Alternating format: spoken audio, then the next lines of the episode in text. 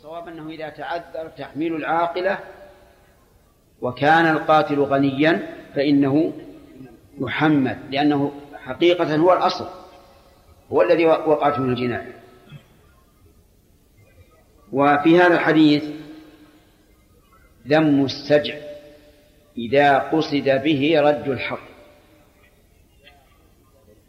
لأن حمل بن النابغة أتى بهذا الكلام الرائع. الذي لبيانه يسحق السامع. قال كيف أغرم من لا شرب ولا أكل ولا نطق ولا استهل. هذا ما له قيمة. فمثل ذلك يطل يعني يهدر ويترك لكن النبي صلى الله عليه وسلم قال إن هذا من إخوان الكهان. لأن الكهان يعني من من من أشكالهم وأضرابهم. لأن الكهان هم الذين يأتون بمثل هذه الأسجاع من أجل أن يسحروا الناس ببيانهم. ولا شك أن قول الرسول عليه الصلاة والسلام هذا ليس من باب الإعجاب بالقول لكنه من باب الذم والتحذير. من السجع الذي يراد به رد الحق.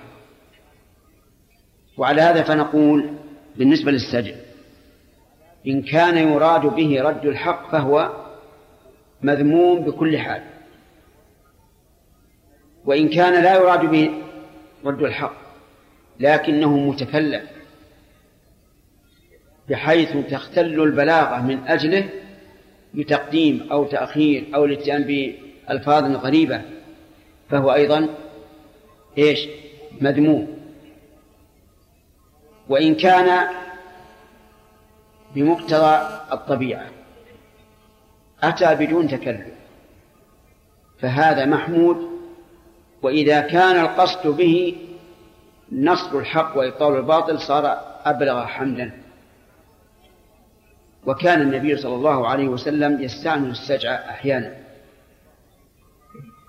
مثل قوله صلى الله عليه وسلم قضاء الله أحق وشرط الله أوثق وإنما الولاء لمن أعتق. ومثل قوله في دعائه اللهم اغفر لي ما قدمت وما أخرت وما أعلنت وما أسررت وما أعلنت وما أشبه ذلك. فالرسول عليه الصلاة والسلام يستعمل السجع لكن سجع غير متكلف. تأتي به الطبيعة.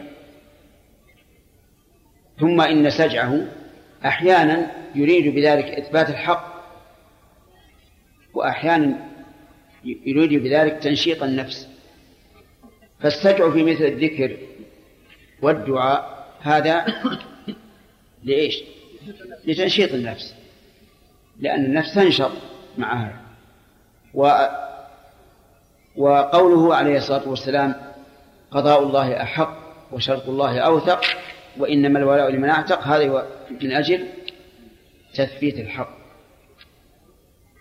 لأن الأسماء تطرب مثل السجن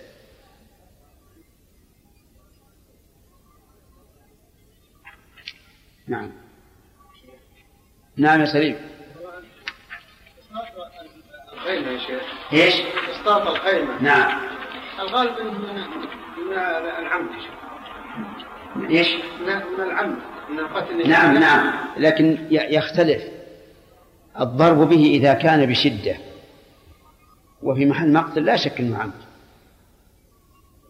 لكن إذا كان بهون وفي محل لا يقتل لا يقتل لا يموت بمثله فهو ليس بعمد والظاهر من المرأة من اقتتال المرأتين أن إحداهما لا تريد قتل الأخرى.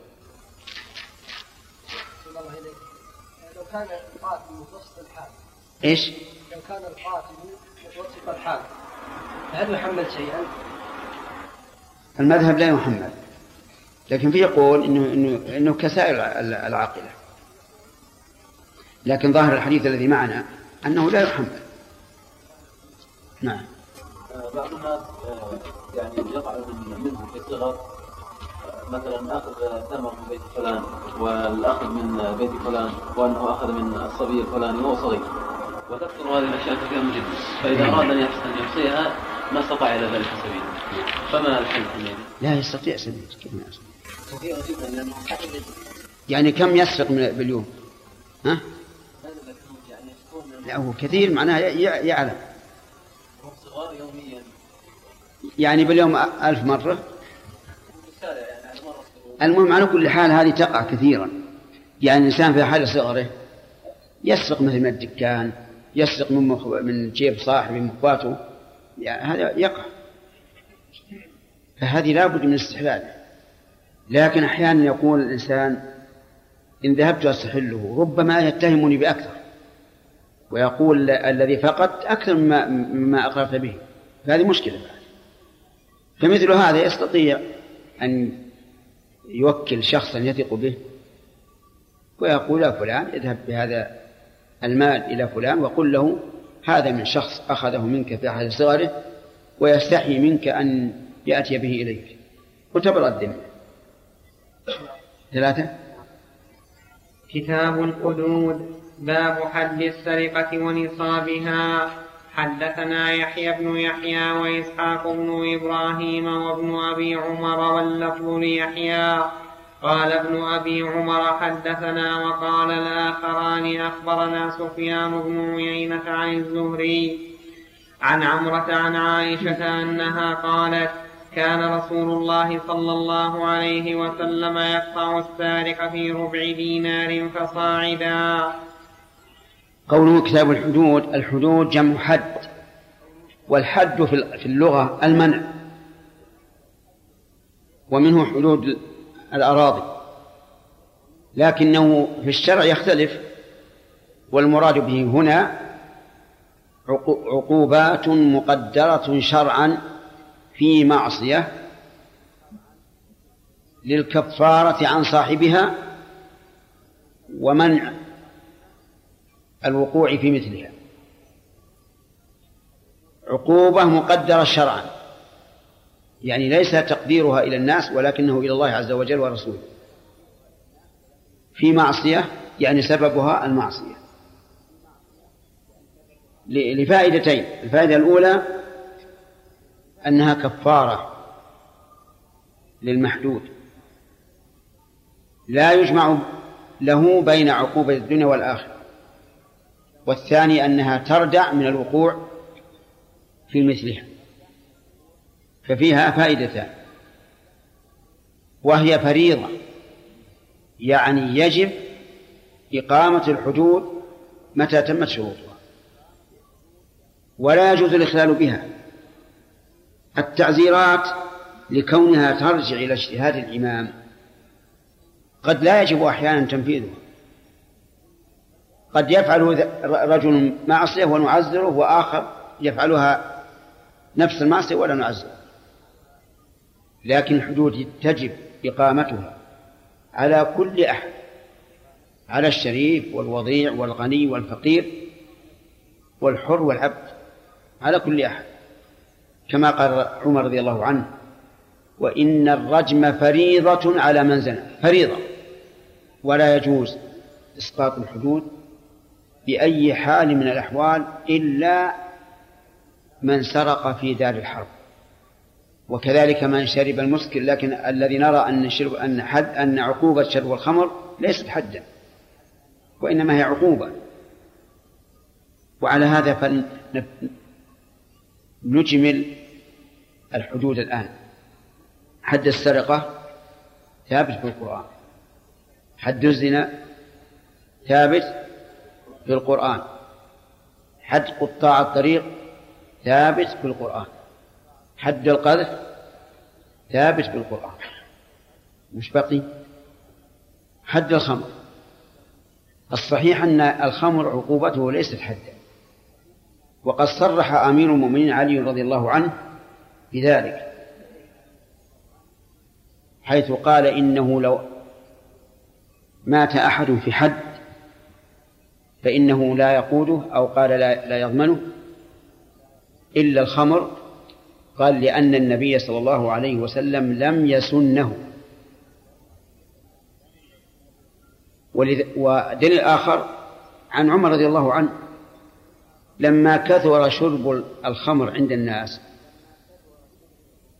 بسبب الفتوحات حيث دخل في دين الله من كانوا يعتادون شرب الخمر. ولضعف إيمانهم لم يعصمهم من شربه. كثر في الناس. جمع عمر رضي الله عنه الصحابة كعادته الحميدة إذا حدثت نازلة يجمع الناس له واستشار. فقال عبد الرحمن بن عوف يا أمير المؤمنين أخف الحدود ثمانون يعني بذلك إيش؟ حد القذف. فرفعه عمر إلى ثمانين. وفي قول عبد الرحمن بن عوف بمحضر الصحابة ومعهم الملهم المحدث إن يكن في هذه الأمة محدث عمر بن الخطاب دليل واضح على أن عقوبة الخمر ليست ليست حدا. ولو كانت حدا ما تجرأ عمر ولا غيره. أن يزيد فيه ولو كثر فعل الناس. حد الزنا الآن مئة جلدة. لو كثر الزنا في الناس نرفعه أبدا ما نرفعه وهذا دليل واضح. والعجب أن أكثر العلماء رحمهم الله يرون أن عقوبة شرب الخمر حد. لكن منهم من يرى الأربعين ومنهم من يرى الثمانين؟ ومنهم من يقول يخير الإمام بين الأربعين والثمانين حسب ما تقتضيه الحال. لكن نرى أنها ليست بحد قتل المرتد. حد. بعض المتأخرين جعله من الحدود. ولست أريد بالمتأخرين الفقهاء. لكن بعض الكتاب الذين يكتبون في الفقه من المعاصرين يرون أنه حد وليس بصحيح. لأن الحد لا يسقط إذا قدر على الجاني لو تاب والردة إذا تاب الإنسان ولو بين يدي القاضي الذي حكم بقتله تقبل ولا ما تقبل؟ تقبل بالإجماع. وهذا دليل على أنه هذا دليل على أنه ليس بحد. الساحر يقتل. إن كان سحره مكفرا قتل لكفره. وإن كان سحره لا يكفر قتل لأذاه. هل هذا حد؟ يرى بعض العلماء أنه حد. والصحيح أنه ليس بحد. لكن يجب على ولي الأمر تنفيذه دفعا لأذيته. والساحر في الغالب لا تندفع أذيته إلا بالقتل. وقولنا في الغالب لأن بعض السحرة يمن الله عليه بالتوبة. فيتوب ومن ذلك سحرة آل فرعون. فإن الله هداهم وتابوا حتى إن فرعون لما هددهم قالوا لهم لا يهم تهديد وقالوا اقضي ما أنت قاض. إنما تقضي هذه الحياة الدنيا. ما يهمنا سوى اللي تبي. المهم أن الحدود التي لا شك فيها أربعة.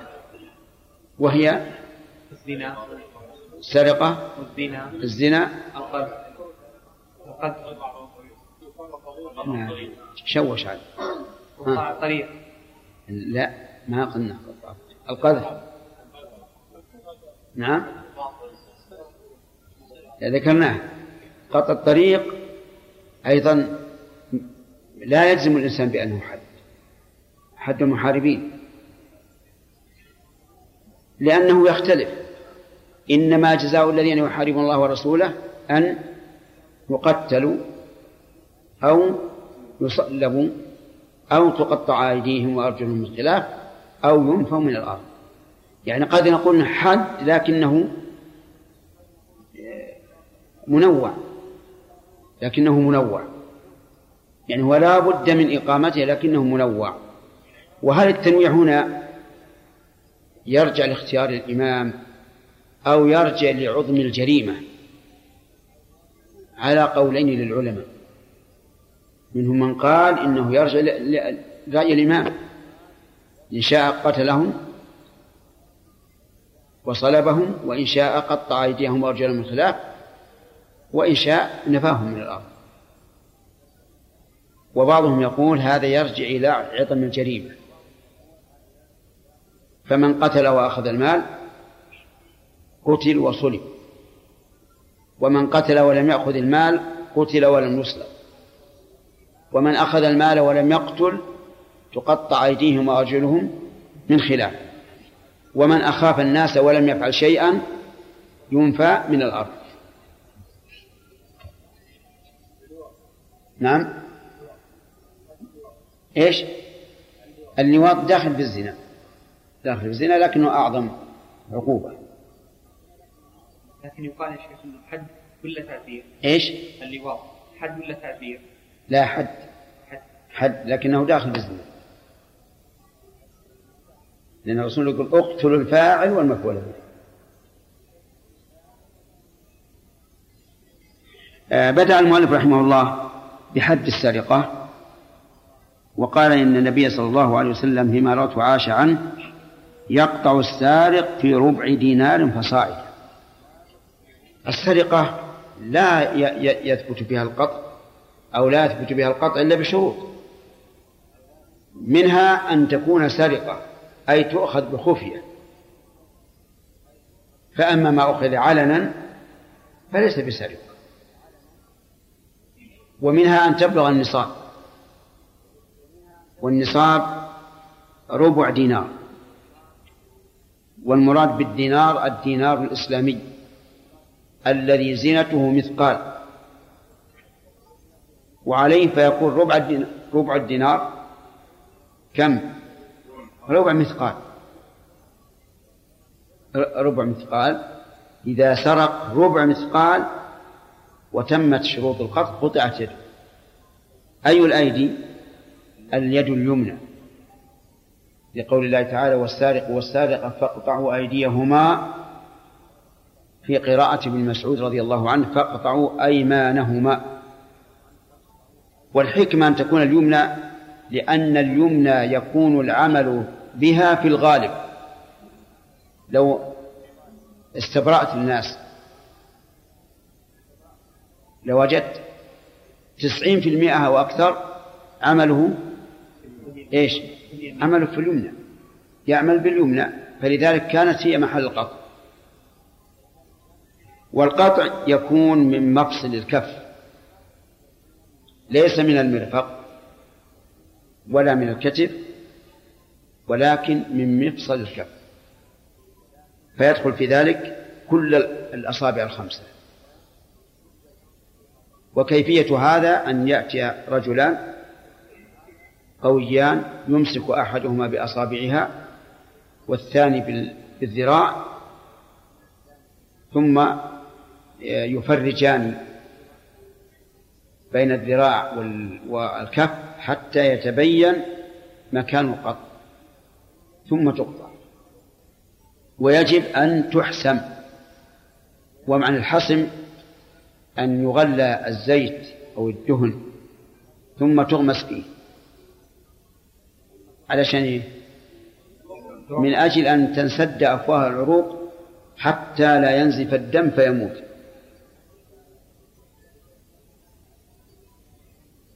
إذا قال قائل ربع الدينار ما نسبته بالنسبة للدية؟ قلنا ليس بشيء. لأن الدية ألف دينار دية النفس ودية اليد نصفها. كل شيء في الإنسان منه اثنان فدية, الواحد النصف. كل شيء فيه ثلاثة فدية الواحد الثلث. كل شيء فيه أربعة فدية الواحد الربع. كل شيء فيه خمسة فدية الواحد الخمس. كذا؟ عجيب ولا ولا نعم؟ نعم. لا والتطبيق. كل شيء فيه عشرة فدية الواحد العشر. طيب. كل واحد في كل شيء ليس فيه إلا واحد كاملة. ففيه الدية كاملة. من عضو أو منفعة. ولهذا لو جنى على إنسان فأذهب سمعه. أذهب سمعه. ففيه الدية كاملة. ولو كانت الأذن باقية. لأنه ليس لا يوجد منفعة إلا واحد نكمل هذا البحث ولا؟ نكمل. نكمله. طيب لأنه شيق وأنتم شك آه، أشكل عليكم الخمس. الله أكبر الله. اللهم صل على محمد اللهم رب العالمين. تفتنا وصلاتك على محمد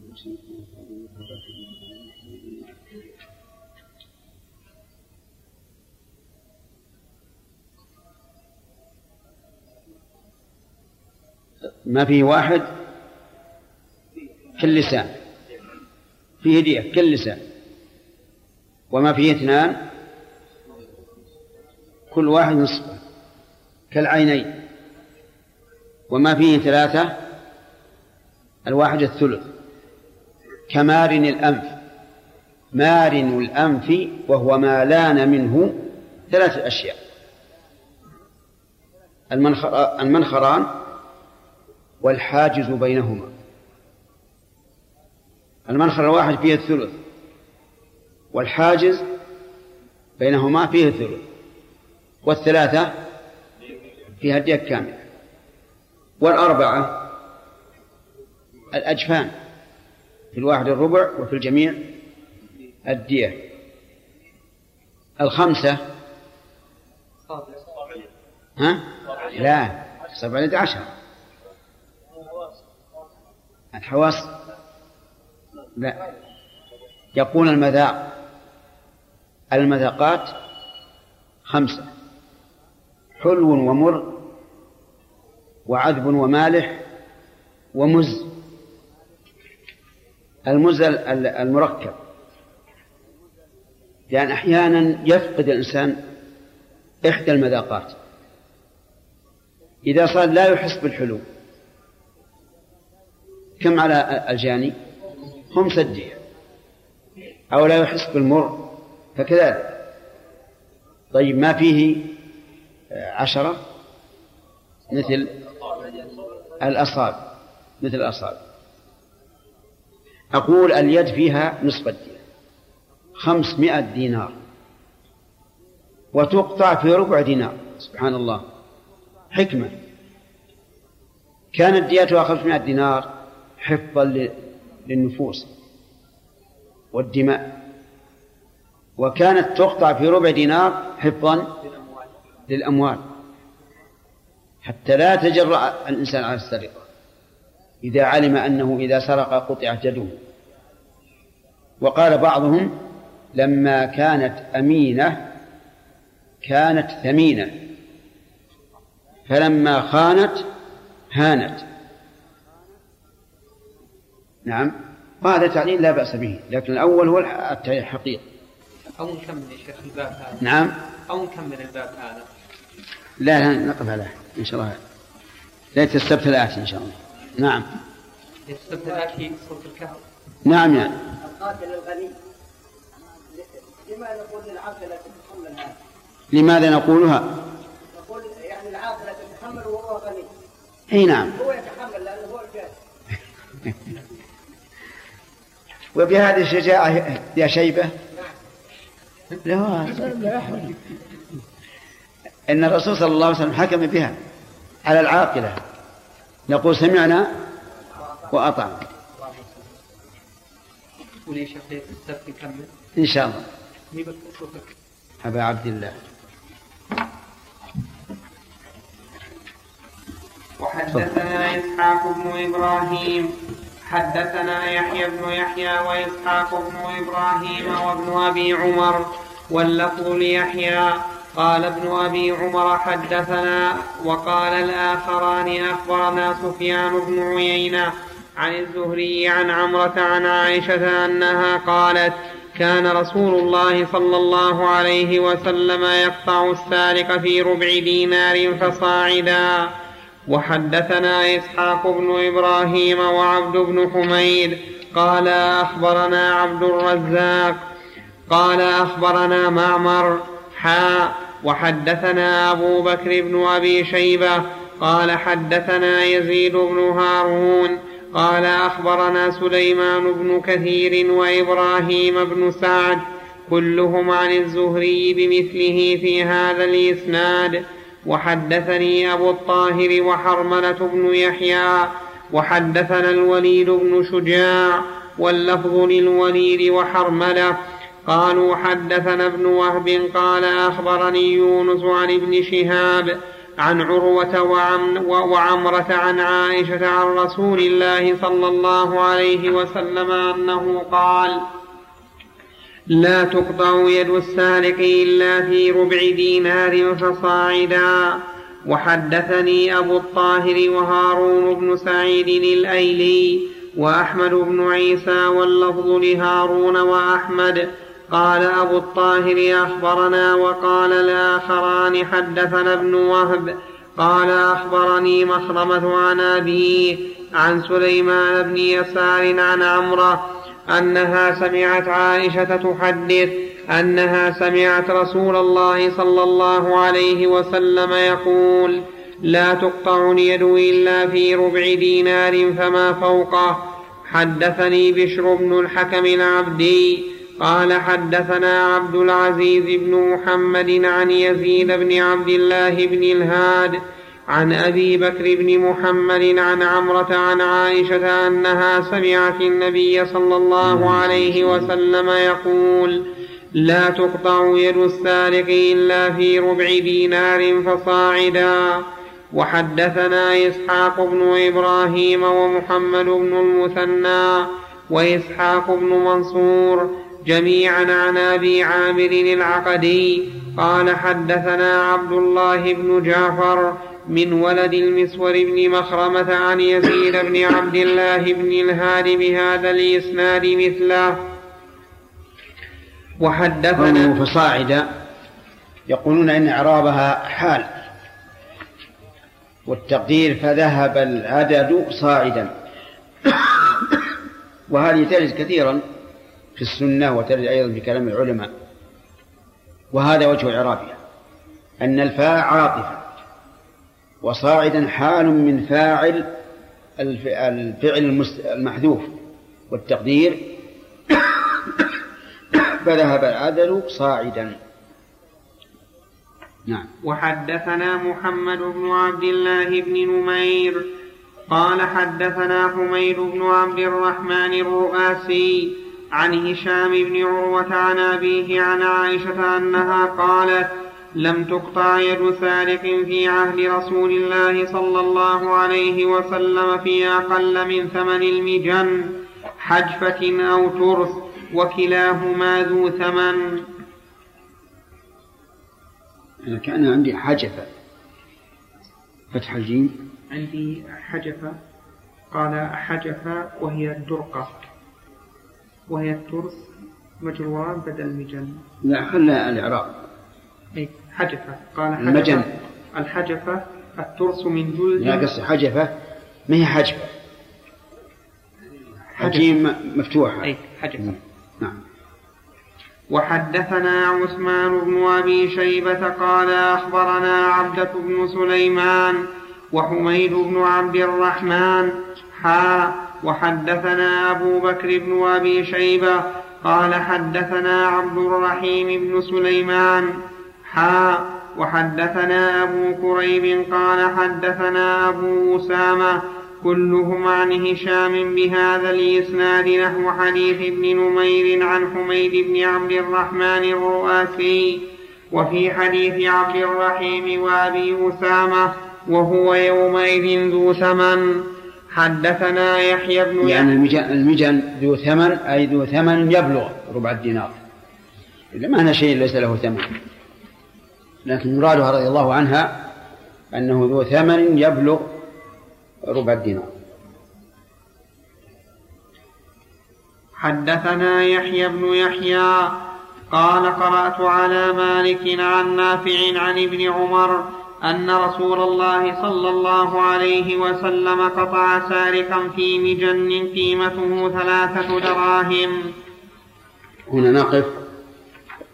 في حديث عائشة رضي الله عنها ربع دينار وهذا ثلاث دراهم. فهل كلاهما نصاب؟ أو إن الأصل ربع الدينار وثلاثة الدراهم كانت في ذلك الوقت تعادل ربع الدينار. الصحيح هذا. الثاني أي أن المعتبر الذهب زادت قيمته أو نقصت. لكن في ذلك الوقت كان الدينار يساوي ثلاثة دراهم. ود... نعم. كان الدينار الكامل يساوي اثني عشر درهم. بدليل أنهم قالوا إن الدية من الدنانير ألف مثقال ومن الفضة اثنا عشر ألفا.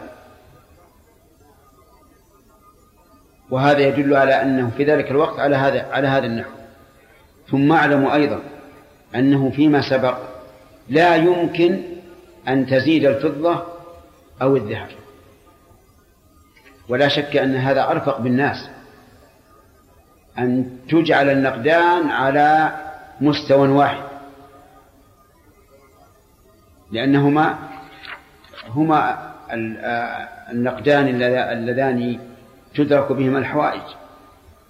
فإذا جعل سلعة يزيد أحدهما وينقص الثاني أحيانا فسدت العملة فكانوا فيما سبق لا يمكن أن أن يزيد أن تزيد الفضة من الدراهم على الدنانير.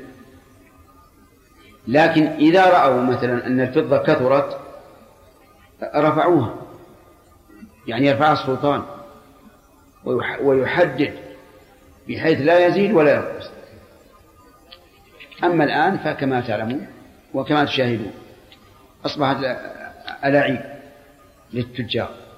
أحيانا ترتفع الفضة جدا وأحيانا تنزل. المهم أن المشهور من المذهب أن أن النصاب إما ربع دينار وإما ثلاثة دراهم. سواء رخصت الفضة أم بقت غالية. انظر الآن ثلاثة دراهم كم تساوي من الريال؟ هنا. إذا صار مئتين درهم. يساوي ست وخمسين ريال. كم ثلاثة دراهم؟ يمكن ريال لا ربع تقريبا. ريال لا ربع يعني نقطع اليد؟ يقول نعم اقطع لأن ثلاثة الدراهم نصاب. رخصت أم غلت لكن القول الصحيح أن الأصل هو ربع الدينار. هذا هو النصاب. حتى لو فرض أن ربع الدينار صار يساوي درهمين أو يساوي عشر دراهم ما يهم. العبرة بالدنانير نعم. حدثنا قتيبة بن سعيد. طيب هذا المجن الذي قطع فيه قيمة ثلاث دراهم كم قيمته بالدنانير؟ ربع دينار. ربع دينار. نعم. حدثنا قتيبة بن سعيد وابن رمح عن الليث بن سعد. حا وحدثنا زهير بن حرب وابن المثنى. قال حدثنا يحيى وهو القطان. حا وحدثنا ابن نمير. قال حدثنا أبي. حا وحدثنا أبو بكر بن أبي شيبة قال حدثنا علي بن مسهر كلهم عن عبيد الله. حا وحدثني زهير بن حرب قال حدثنا إسماعيل يعني ابن علية حا وحدثنا أبو الربيع وكا وأبو كامل قال حدثنا حماد. حا وحدثني محمد بن رافع قال حدثنا عبد الرزاق قال أخبرنا سفيان عن أيوب السختياني وأيوب السختياني وأيوب بن موسى وإسماعيل بن أمية حا وحدثني عبد الله بن عبد الرحمن الدارمي قال أخبرنا أبو نعيم قال حدثنا سفيان عن أيوب وإسماعيل بن أمية وعبد الله وموسى بن عقبة. حا وحدثنا محمد بن رافع. قال حدثنا عبد الرزاق. قال أخبرنا ابن جريج. قال أخبرني إسماعيل بن أمية. حا وحدثني أبو الطاهر. قال أخبرنا ابن وهب عن حنظلة بن أبي سفيان الجمحي. وعبيد الله بن عمر ومالك بن أنس وأسامة بن زيد الليثي وأسامة بن زيد الليثي كلهم عن نافع عن ابن عمر عن النبي صلى الله عليه وسلم بمثل حديث يحيى عن مالك غير أن بعضهم قال قيمته وبعضهم قال ثمنه ثلاثة دراهم. وعلى اصطلاح الفقهاء بينهما فرق. الثمن ما وقع عليه العقد والقيمة ما يساوي عند الناس. فمثلا إذا اشتريت قلما بثلاثة دراهم أسمي هذا؟ ثمن. أقول ثمنه ثلاث دراهم. وإذا سألت عنه كم يساوي قالوا يساوي خمسة دراهم. الخمسة تكون قيمته. لكن الظاهر والله أعلم أن قيمته أصح.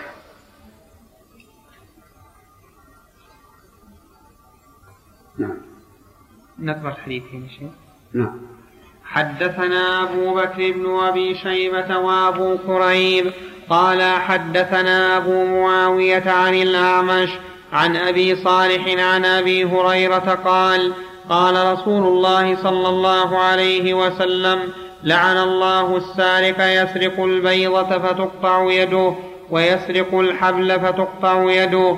حدثنا عمرو الناقد وإسحاق بن إبراهيم وعلي بن خشرم كلهم عن عيسى بن يونس عن الأعمش بهذا الإسناد مثله غير أنه يقول إن سرق حبلا وإن سرق بيضا.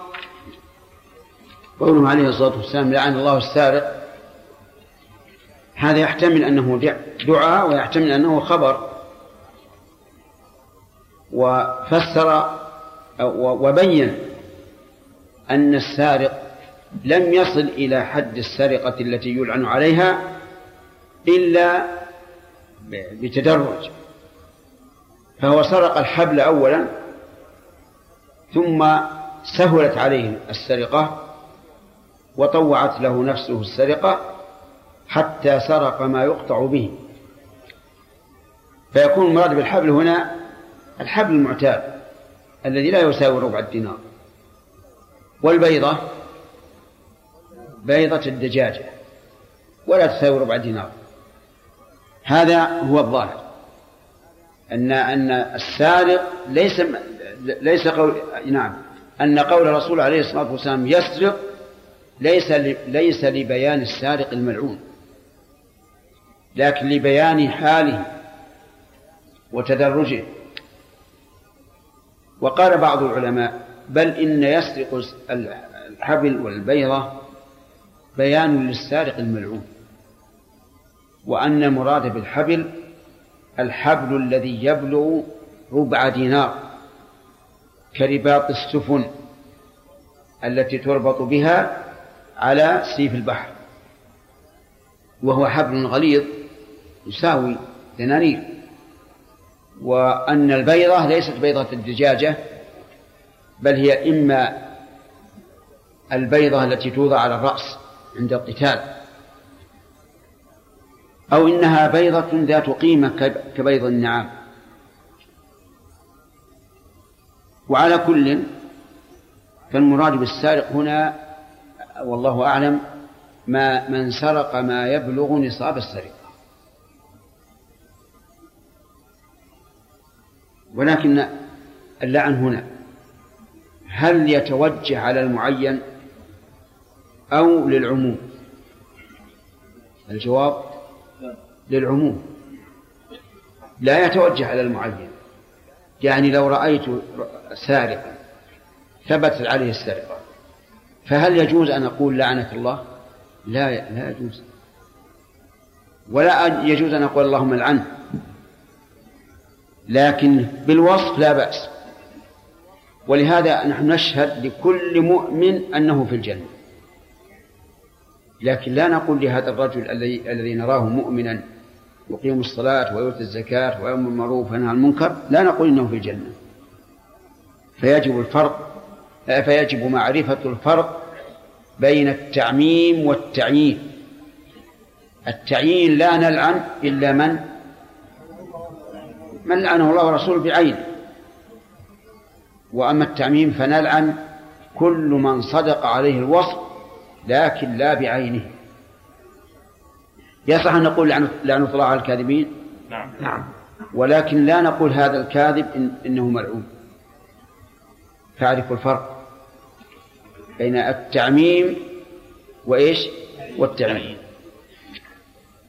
اللهم وفق ولهذا عندي بالحاشي يقول البخاري رحمه الله يقول البخاري ترجم على هذا الحديث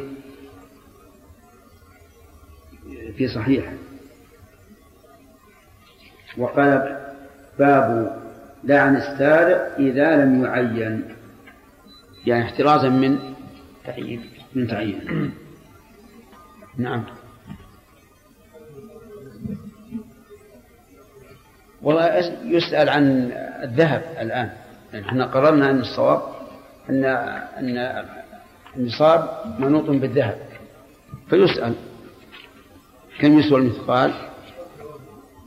كم يسوى المثقال؟ عشرين مثقال يبلغ عشرة, عشرة جرامات ونصف. نعم يا سليم.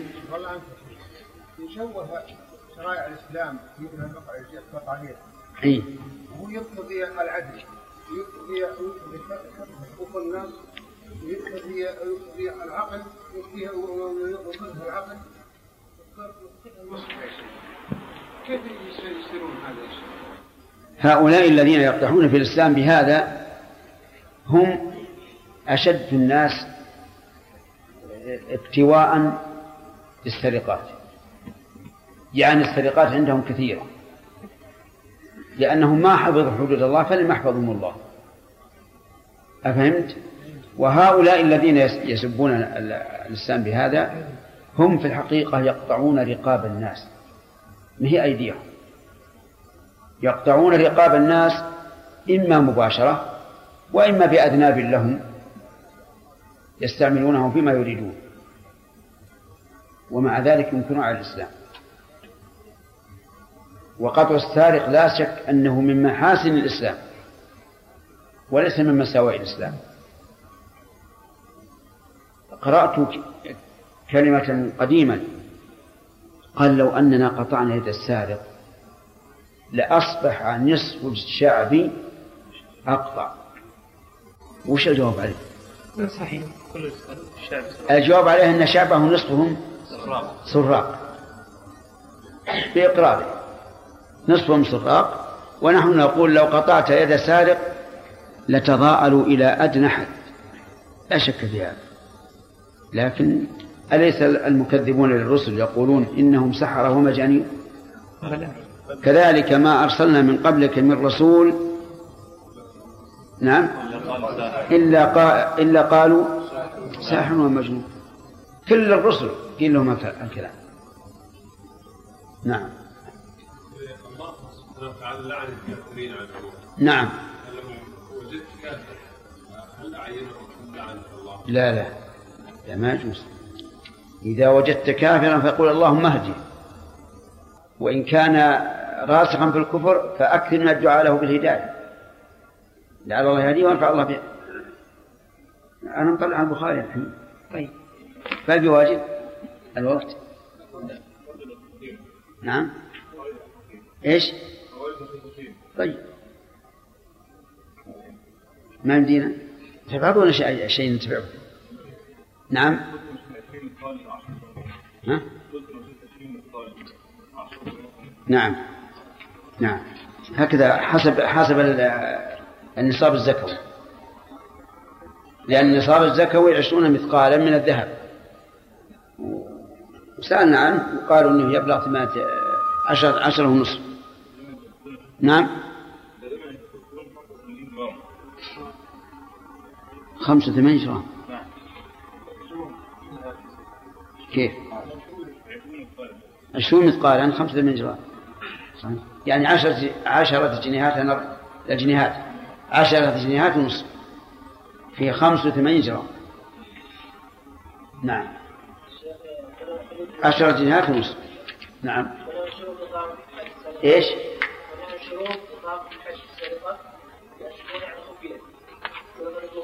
نعم. إذا كانت معلنة يعني ذهب هذه يسمونها نهب.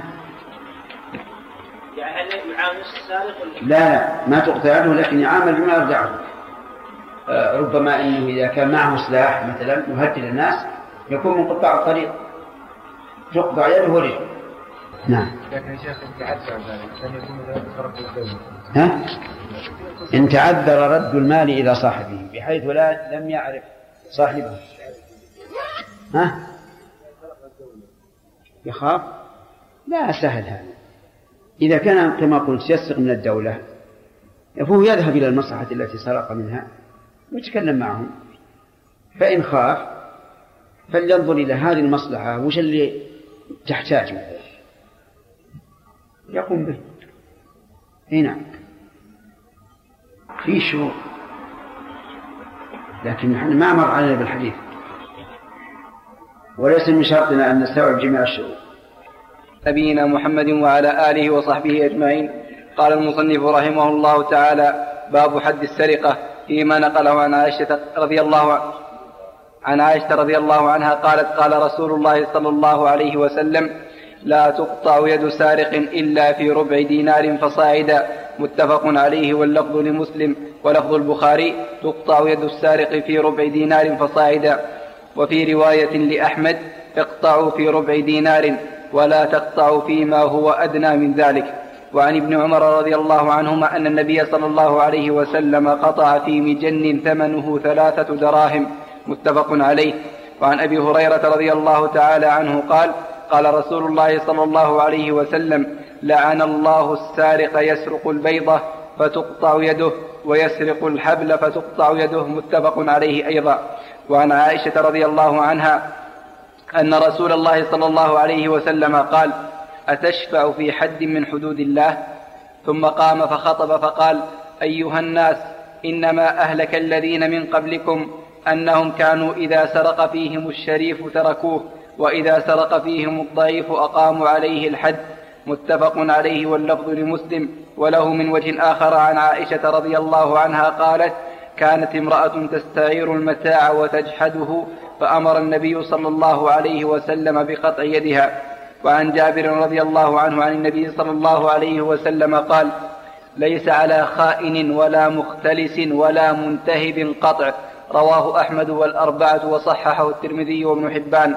وعن رافع بن خديج رضي الله عنه قال سمعت رسول الله صلى الله عليه وسلم يقول لا قطع في ثمر وال في ثمر ولا كثر. رواه المذكورون وصححه أيضا الترمذي وابن حبان. وعن أبي أمية المخزومي رضي الله عنه قال أتي رسول الله صلى الله عليه وسلم بلص قد اعترف اعترافا ولم يوجد معه متاع. فقال له رسول الله صلى الله عليه وسلم ما إخالك سرقت؟ قال بلى. فأعاد عليه مرتين أو ثلاثا فأمر به فقطع وجيء به فقال استغفر الله وتب إليه. فقال أستغفر الله وأتوب إليه. فقال اللهم تب عليه ثلاثا أخرجه أبو داود واللفظ له وأحمد والنسائي ورجاله ثقات. وأخرجه الحاكم من حديث أبي هريرة رضي الله عنه فساقه بمعناه وقال فيه اذهبوا به فاقطعوه. ثم احسموه. أخرجه البزار أيضا وقال لا بأس بإسناده. بسم الله الرحمن الرحيم. قال قال المؤلف رحمه الله الحافظ بن حجر في كتابه بلوغ المرام باب حد السرقة. السرقة هي أخذ المال من مالكه أو نائبه على وجه الاختفاء.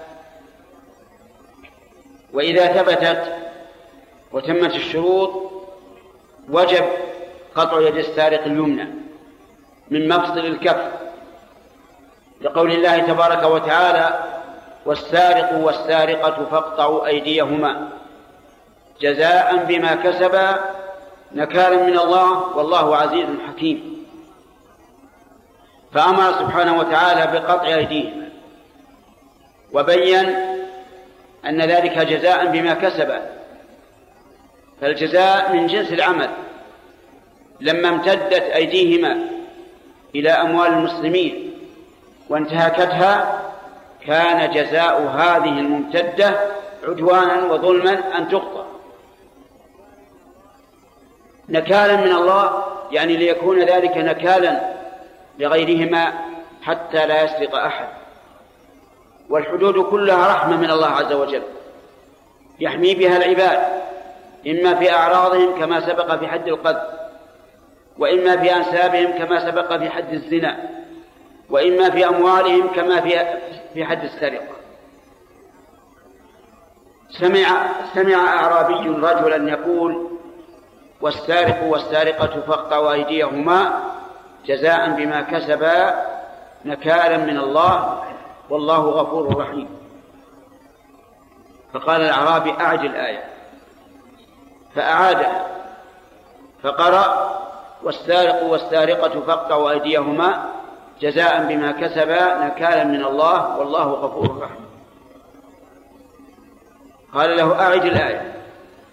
فأعادها وقال والسارق والسارقة فاقطعوا أيديهما جزاء بما كسبا نكالا من الله والله والله عزيز حكيم. قال الآن أصبت. عز وحكم فقطع ولو غفر ورحم ما قطع أعراب لكن الأعراب عندهم فهم عندهم ذكاء ولكن عندهم جهل.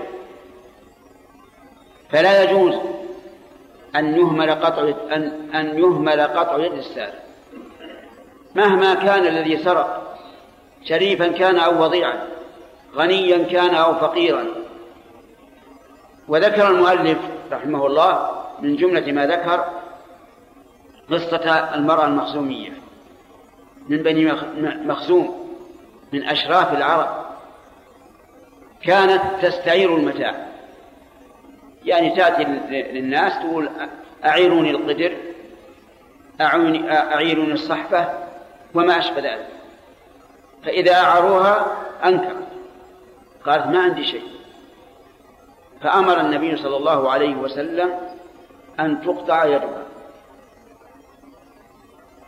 فأهم قريشا شأن المخزومية. لأن من بين المخزوم امرأة تقطع يدها. فطلبوا من أسامة بن زيد بن حارثة رضي الله عنه وعن أبيه أن يشفع إلى الرسول عليه الصلاة والسلام. أن لا تقطع يده.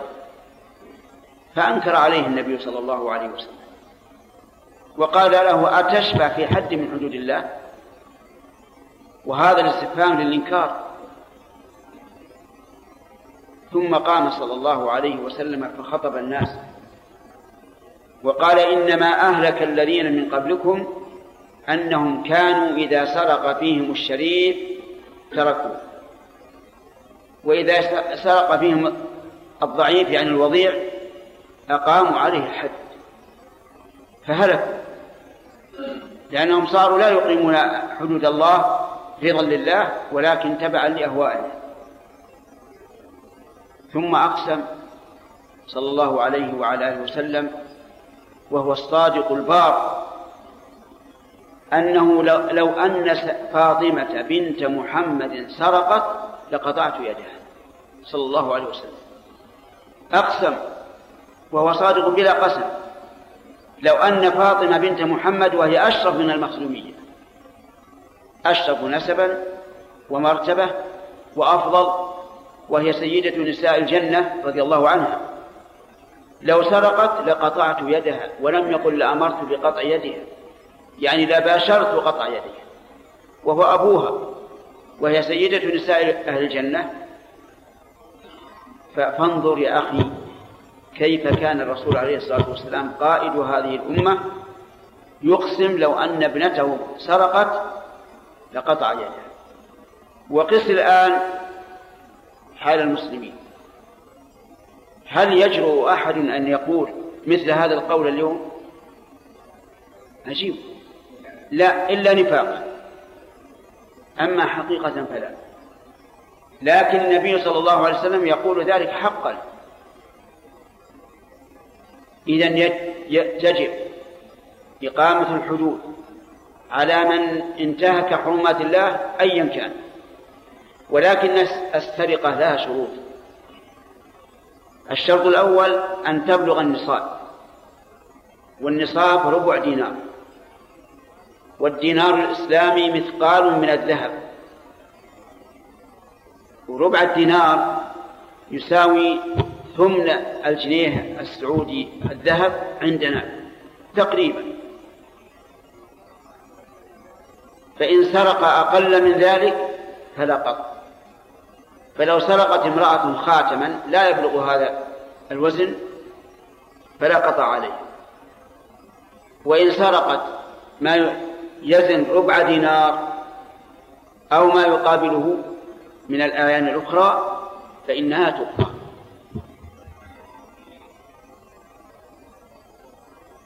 ولهذا قال النبي صلى الله عليه وسلم لا تقطع يد سارق إلا في ربع دينار. فصاعد الثاني أن أن تكون سرقة من حرز. فإن لم تكن سرقة كالمنتهب والمختلس والخائن فلا قطع المنتهب الذي يخطف الشيء وهو بسرعة ويهرب. كأن يكون بيد الإنسان شيئا فأخذه بسرعة وهرب. هذا لا يقطع لأنه غير سالم المختلس الذي يتغافل الإنسان ويأخذ منه. كرجل وقف عند صاحب دكان وجعل يشغله ويلهيه يقول جيب لي السلعة الفلانية هذه السلعة الفلانية هذه السلعة الفلانية. ثم يسمع هذا أيضا لا لأنه مختلس. الخائن كرجل أقرضته دراهم وخان وجحد أو رجل أودعت عنده مال وخان فجحد فلا قبض بخلاف العارية. العارية إذا جحدها قطع كما في حديث المخزومية. وأيضا لا بد أن يكون من حرز ومعنى الحرز ما تحفظ به الأموال. وهذا يختلف باختلاف الأموال واختلاف البلدان واختلاف الإيمان واختلاف السلطان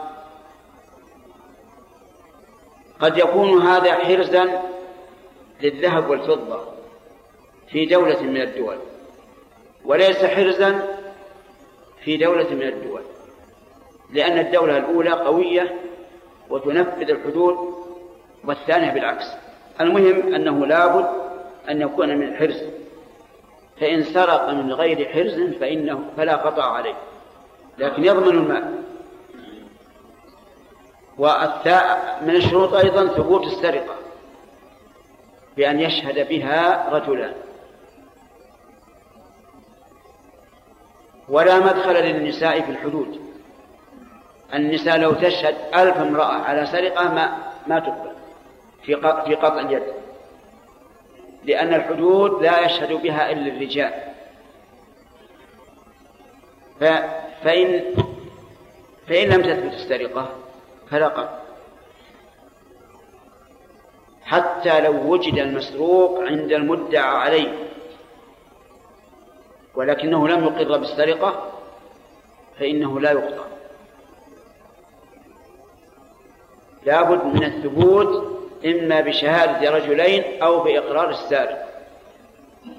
ولما جاء رجل النبي صلى الله عليه وعلى آله وسلم يقول إنه سرق ولم يجدوا مال معه مالا. لم يجدوا معه مالا. قال ما إخالك سرقت. يعني ما أظنك سرقت. وين المال اللي سرقت؟ فقال بلى سرقت. فأمر النبي صلى الله عليه وسلم أن تقطع يده لأنه إيش؟ اعترف وأقر. لكنه صلى الله عليه وسلم أمر بأن تحسم اليد. والحسم أن يغلى الزيت على النار ثم يغمس طرف الذراع في هذا الزيت الذي يغلي. من أجل أن يتوقف نزيف الدم. والحسم واجب لأنه إذا لم يحسم نزف الدم ومات. فلا فلا بد أن يحسم وهذا الزيت الذي يحسم به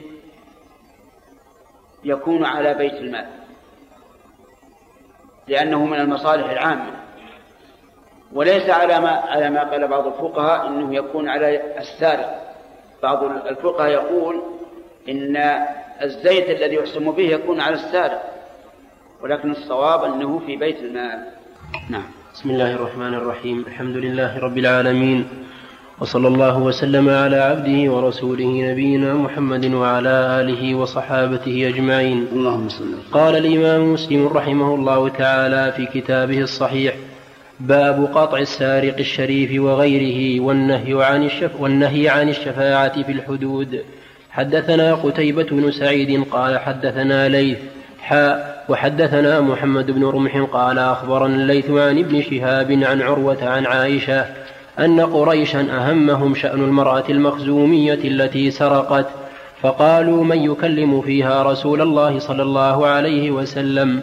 فقالوا ومن يجترئ عليه إلا أسامة حب رسول الله صلى الله عليه وسلم. فكلمه أسامة فقال رسول الله صلى الله عليه وسلم أتشفع في حد من حدود الله؟ ثم قام فاختطب فقال فقال أيها الناس إنما أهلك الذين قبلكم أنهم كانوا إذا سرق فيهم الشريف تركوه وإذا سرق فيهم الضعيف أقاموا عليه الحد. وأيم الله لو أن فاطمة بنت محمد سرقت لقطعت يدها. وفي حديث ابن رمح إنما هلك الذين من قبلكم. وحدثني وحدثني أبو الطاهر وحرملة بن يحيى واللفظ لحرملة قال أخبرنا ابن وهب قال أخبرني يونس يونس بن يزيد عن ابن شهاب أنه قال أخبرني عروة بن الزبير عن عائشة زوج زوج النبي صلى الله عليه وسلم أن قريشا أهمهم شأن المرأة التي سرقت في عهد النبي صلى الله عليه وسلم في غزوة الفتح فقالوا من يكلم فيها رسول الله صلى الله عليه وسلم؟ فقالوا ومن يجترئ عليه إلا أسامة بن زيد حب رسول الله صلى الله عليه وسلم فأتي بها رسول الله صلى الله فأتي بها رسول الله صلى الله عليه وسلم فكلمه فيها أسامة بن زيد فكلمه فيها أسامة بن زيد فتلون وجه رسول الله صلى الله عليه وسلم فقال أتشفع في حد من حدود الله؟ فقال له أسامة استغفر لي يا رسول الله. فلما كان العشي قام رسول الله صلى الله عليه وسلم فاختطب فأثنى على الله بما هو أهله ثم قال أما بعد فإنما أهلك الذين من قبلكم أنهم كانوا إذا سرق فيهم الشريف تركوه وإذا سرق فيهم الضعيف أقاموا عليه الحد. وإني والذي نفسي بيده لو أن فاطمة بنت محمد سرقت لقطعت يدها ثم أمر. ثم أمر بتلك المرأة التي سرقت فقطعت يدها قال يونس قال ابن شهاب قال عروة قالت عائشة فحسنت توبتها بعد وتزوجت وكانت تأتيني بعد ذلك فأرفع حاجتها إلى رسول الله صلى الله عليه وسلم وحدثنا عبد بن حميد قال أخبرنا عبد الرزاق قال أخبرنا معمر عن الزهري عن عروة عن عائشة أنها قالت كانت امرأة مخزومية تستعير المتاع وتجحده فأمر النبي صلى الله عليه وسلم أن تقطع يدها. فأتى أهلها أسامة بن زيد فكلموا فكلم رسول الله صلى الله عليه وسلم فيها ثم ذكر نحو حديث الليث ويونس. وحدثني سلمة بن شبيب قال حدثنا الح... قال حدثنا الحسن بن أعين قال حدثنا معقل عن أبي الزبير عن جابر أن امرأة من بني مخزوم سرقت فأتي بها النبي صلى الله عليه وسلم فعادت بأم سلمة زوج النبي صلى الله عليه وسلم فقال النبي صلى الله عليه وسلم والله لو كانت فاطمة لقطعت يدها فقطعت هذا الباب كما ترون فيه أحاديث وهي قصة واحدة لكن الألفاظ مختلفة. فمنها أن أنه قال أن قريشا أهمهم شأن المخزوم المرأة المخزومية التي سرقت. المخزومية من بني مخزوم وبن وبنو مخزوم بطن من قريش ولهم شرف ولا سيما هذه المرأة. ولكن كيف سرقت؟ الألفاظ إلا الأخ إلا ما قبل الأخير مجملة. لم يبين فيها كيفية السرقة. واللفظ الذي قبل الأخير فيه أن كيفيتها أنها كانت تستعير المتاع فتجحده. يعني تطلب من الناس أن يعيروها المتاع. كالقدر والآنية والصحفة وغيرها. ثم تجحد إذا جاء طالبه إذا جاء صاحبه يطلبه قالت لم تعرني. فأمر النبي صلى الله عليه وسلم بقطع يدها فيكون هذا الإجمال في قوله سرقت مبينا بقوله كانت تستعير المتاع وتجحده هذا هو الصواب في, في هذا الحديث. وقال بعض أهل العلم إنها سرقت مع كونها. تستعير المتاع وتشحده لأنهم لا يرون أن من جحد العارية تقطع يده. لكن الصواب ما قررناه أولا. ومعنى أهمهم يعني ألحقهم الهم واهتموا لهذه القضية. امرأة من قريش ذات شرف تقطع يدها الأمر شديد لأن هذه المرأة ستبقى تسير بين النساء وليس لها إلا يد يسرى فقط. فقالوا من يكلم فيها رسول الله صلى الله عليه وعلى آله وسلم؟ فقالوا ومن يجترئ عليه إلا أسامة. يعني أن قريشا تساءلوا بينهم. من يجترئ؟ يكلم الرسول صلى الله عليه وعلى آله وسلم فيها. فقالوا لا يجترئ عليه إلا أسامة. أسامة بن زيد بن حارثة يقول حب رسول الله صلى الله عليه وسلم أي محبوب. وكان النبي صلى الله عليه وسلم يحبه ويحب أباه رضي الله عنهما جميعا. فكلمه. كلمه في أن يرفع هذه العقوبة عن هذه المرأة. ولكن محمد رسول الله صلى الله عليه وعلى آله وسلم المبعوث رحمة للعالمين أنكر عليه. لأن هذا ليس للرسول صلى الله عليه وسلم فيه حق. هذا حق لله. قال الله تعالى والسارق والسارقة فاقطعوا أيديهم. حق من الله عز وجل وحد من حدوده. فلا يملك الرسول صلى الله عليه وعلى آله وسلم ولا من دونه أن يرفع هذا الحد. ولهذا أنكر عليه فقال أتشفع في حد من حدود, الله؟ وهذا إنكار. الاستفهام هنا للإنكار وقد نقول للإنكار والتوبيخ. أما الإنكار فواضح وأما التوبيخ فإنه لا يحسن إلا لمن علم الحكم ثم خالف. والظاهر أن أسامة رضي الله عنه ما علم أن الشفاعة في هذا حرام. وإلا لما تقدم إليه بالشفاعة. فعليه نقول الإنكار إيش؟ شوفوا يا جماعة. أقرب. الإنكار واضح أن الاستفهام هنا للإنكار ولا إشكال فيه. لكن هل يمكن أن نجعله للتوبيخ؟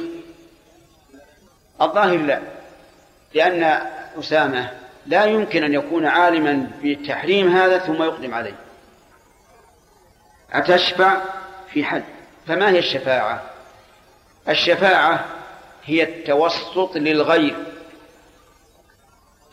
بجلب منفعة أو دفع مضرة.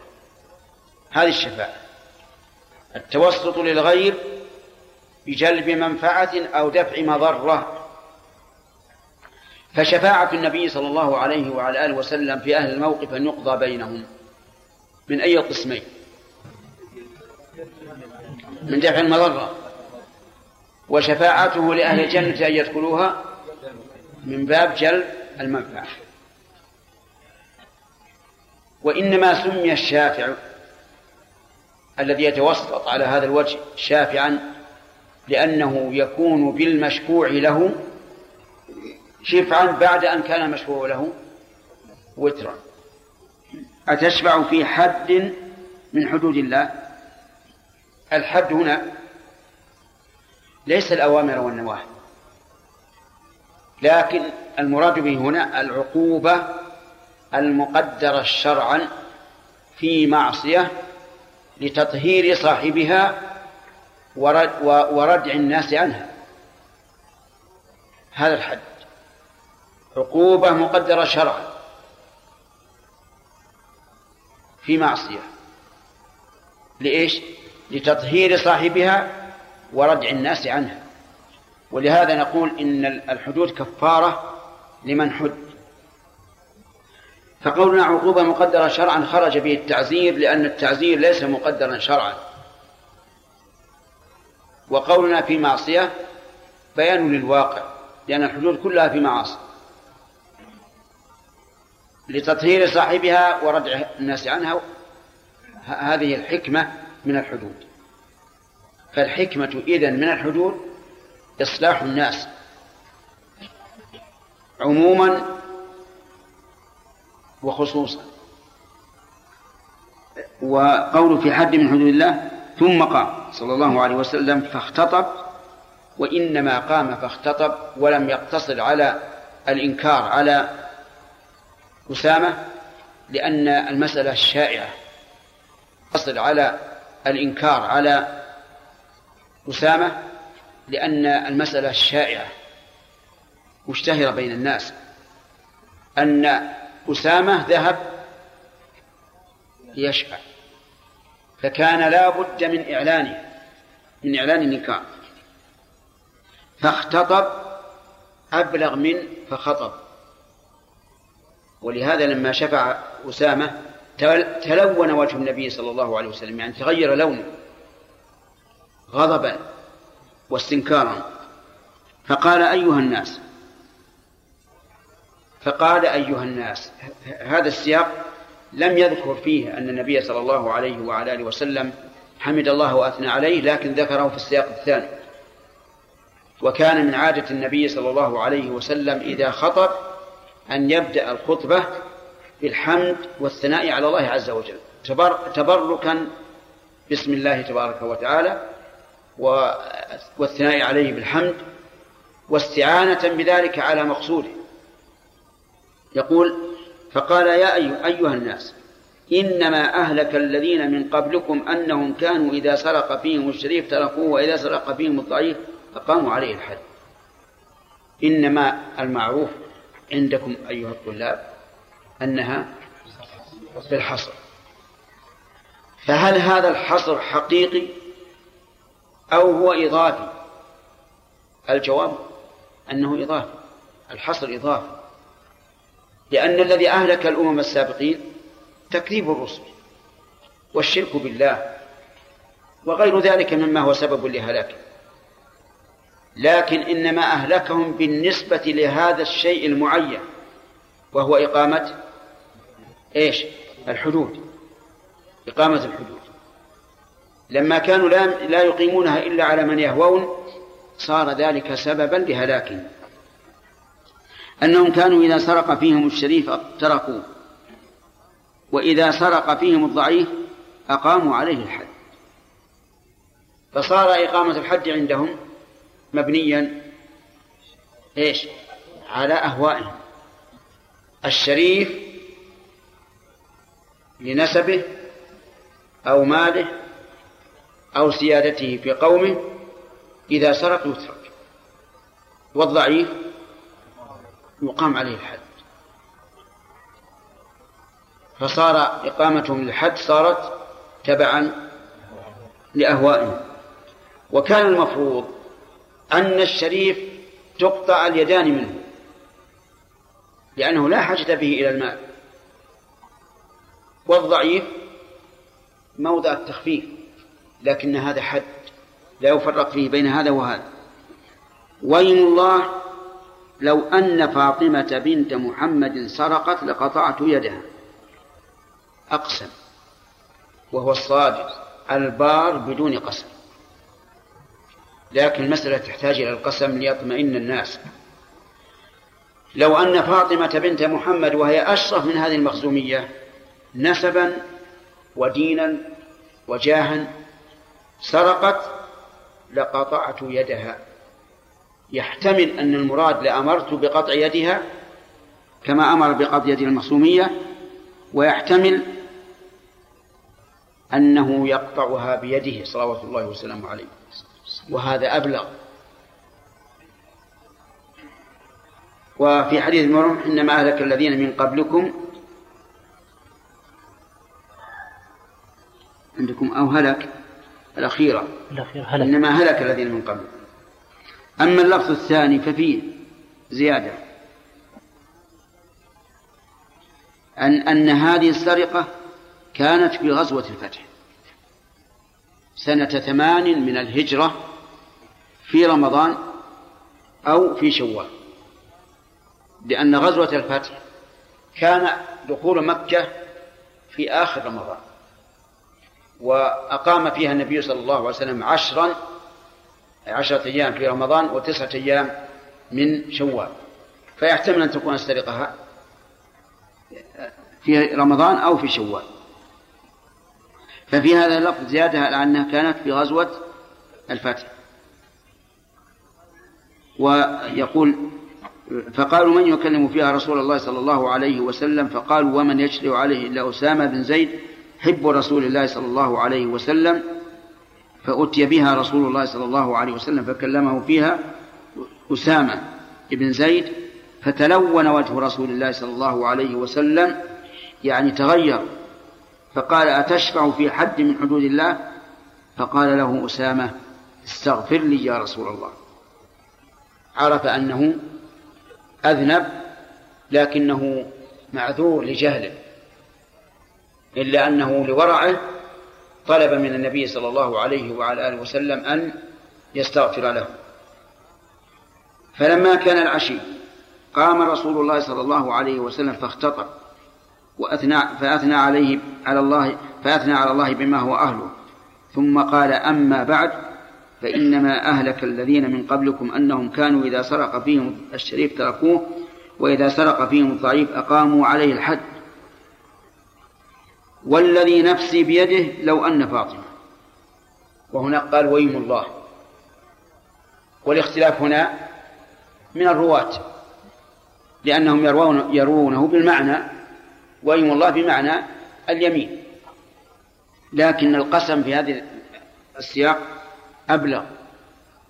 لأنه قال والذي نفسي بيده لو أن فاطمة بنت محمد سرقت لقطعت يدها ثم أمر بتلك المرأة التي سرقت فقطعت يدها.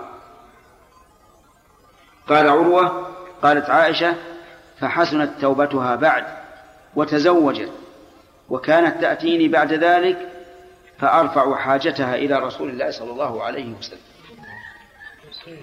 فانظر إلى هذه المرأة كيف من الله عليها بالتوبة وحسن الحال ويسر الله لها أن تتزوج. مع أن الغالب أن مثل هذه المرأة التي قطعت يدها اليمنى ألا ألا يرغبها الرجال, يرغبها الرجال. ولكن الله عز وجل وعد وهو أصدق الواعدين بأن من يتق الله يجعل له مخرجا ويرزقه من حيث لا يحتسب. وحدثنا عبيد إلى آخره. قالت كانت امرأة مخزومية. تستعير تستعير المتاع وتجحده. فأمر النبي صلى الله عليه وسلم أن تقطع يدها. فأتى أهلها أسامة بن زيد فكلموه فكلم رسول الله صلى الله عليه وسلم فيها ثم ذكر نحو حديث إليه ويونس. وإلى آخره. ففي هذا الحديث الأخير السياق الأخير دليل على أو فيه بيان كيف كانت السرقة. أنها تستعير المتاع ثم إذا طلبه صاحبه أنكر في هذا الحديث فوائد. منها ثبوت السرقة في عهد النبي صلى الله عليه وسلم. ويتفرع على هذا أن أن العهد وإن كان أشرف العهود وخير القرون قد يوجد فيه شواذ. أليس كذلك؟ ووجد الزنا في عهد الرسول عليه الصلاة والسلام. ووجد شرب شرب الخمر. ولم أعلم أنه وجد اللواء. لكن جاء الحديث عن النبي صلى الله عليه وسلم من وجدتموه يعمل عمل قوم لوط فاقتلوا الفاعل والمفعول به. ومنها وجوب المبادرة بقتل بتنفيذ الحد. لأن ذلك أبلغ في الرد. فالمعصية التي فيها الحد إذا فعلت ثم أخر التنفيذ بردت عند الناس. ولم يكن لها قيمة. لكن إذا نفذت إذا نفذ الحد في حينه صار ذلك إيش؟ أبلغ. أبلغ عند الناس. أما إذا بردت المسألة وماتت وحصل التنفيذ فهذا لا شك أنه آه، يقلل من هيبة الحدود ومن فوائد هذا الحديث. أن الحدود إذا بلغت السلطان الذي له التنفيذ حرمت الشفاعة. إذا بلغت السلطان الذي له التنفيذ حرمت الشفاعة. أما قبل ذلك فينظر فيها. وعلى هذا فإذا أمسك السارق فهو ما دام تحت سيطرة الشرطة مثلا تجوز الشفاعة فيه. تجوز الشفاعة فيه. لأنها لم تبلغ السلطان الذي له التنفيذ. أما بعد بلوغها فلا. طيب قبل البلوغ هل الأفضل محاولة الشفاعة أو الأفضل عدم ذلك؟ في هذا تفصيل. إن كان الرجل السارق من ذوي الهيئات والشرف والحياء فالأفضل إيش؟ الشفاعة. سواء كان غنيا أو فقيرا وإن كان من أهل الشر والفساد فالأفضل أن لا يشفع فيه. فهذا يتبع المصلحة. ومن فوائد هذا الحديث أنه لا يشترط للقطع في السرقة مطالبة المسروق مطالبة المسروق منه. فتقطع اليد وإن لم نعلم مطالبة المسروق لأن هذا الحد للردع عن المعصية. ما هو لأجل أن نعطي المسروق منه ماله بل من أجل إيش؟ إصلاح الأمة. فلا ننتظر حتى يطالب المسروق بماله بل ننفذ الحد. أما مطالبة المسروق بماله فإن شاء عفا وإن شاء لم يعفو. طيب لكن لو أن المسروق منه عفا عن السارق ولم ترفع للسلطان يسقط الحد أو لا؟ يسقط لأن النبي صلى الله عليه وسلم لما أمر بقطع يد السارق الذي سرق رداء صفوان قال يا رسول الله هو له له الرداء يعني ولا تقطع يده. فقال هل لا كان ذلك قبل أن تأتيني به؟ أما لما بلغ لا بد أن يقام عليه الحد. ومن فوائد هذا الحديث أنه يدفع في الشفاعة أحب الناس إلى المشفوع إليه.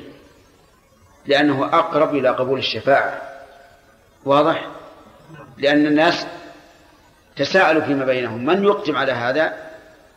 فرأوا أن أسامة حب رسول الله حب رسول الله صلى الله عليه وسلم فطلبوا منه الشفاعة.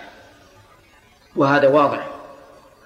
لأنه من المعلوم أنه لا يمكن أن تقدم شخصا يبغض المشفوع إليه ليشفع لك. هذا لا يزيد الأمر. إلا شدة وامتناع من, من, القبول. ومن فوائد هذا الحديث تعظيم النبي صلوات الله وسلامه عليه لحدود الله عز وجل.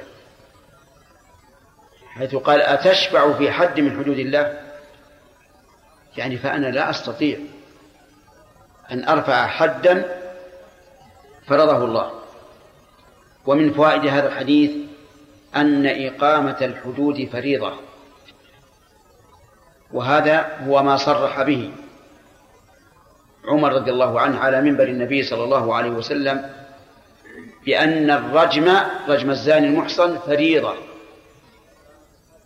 وهو كذلك. إقامة الحد من الفرائض.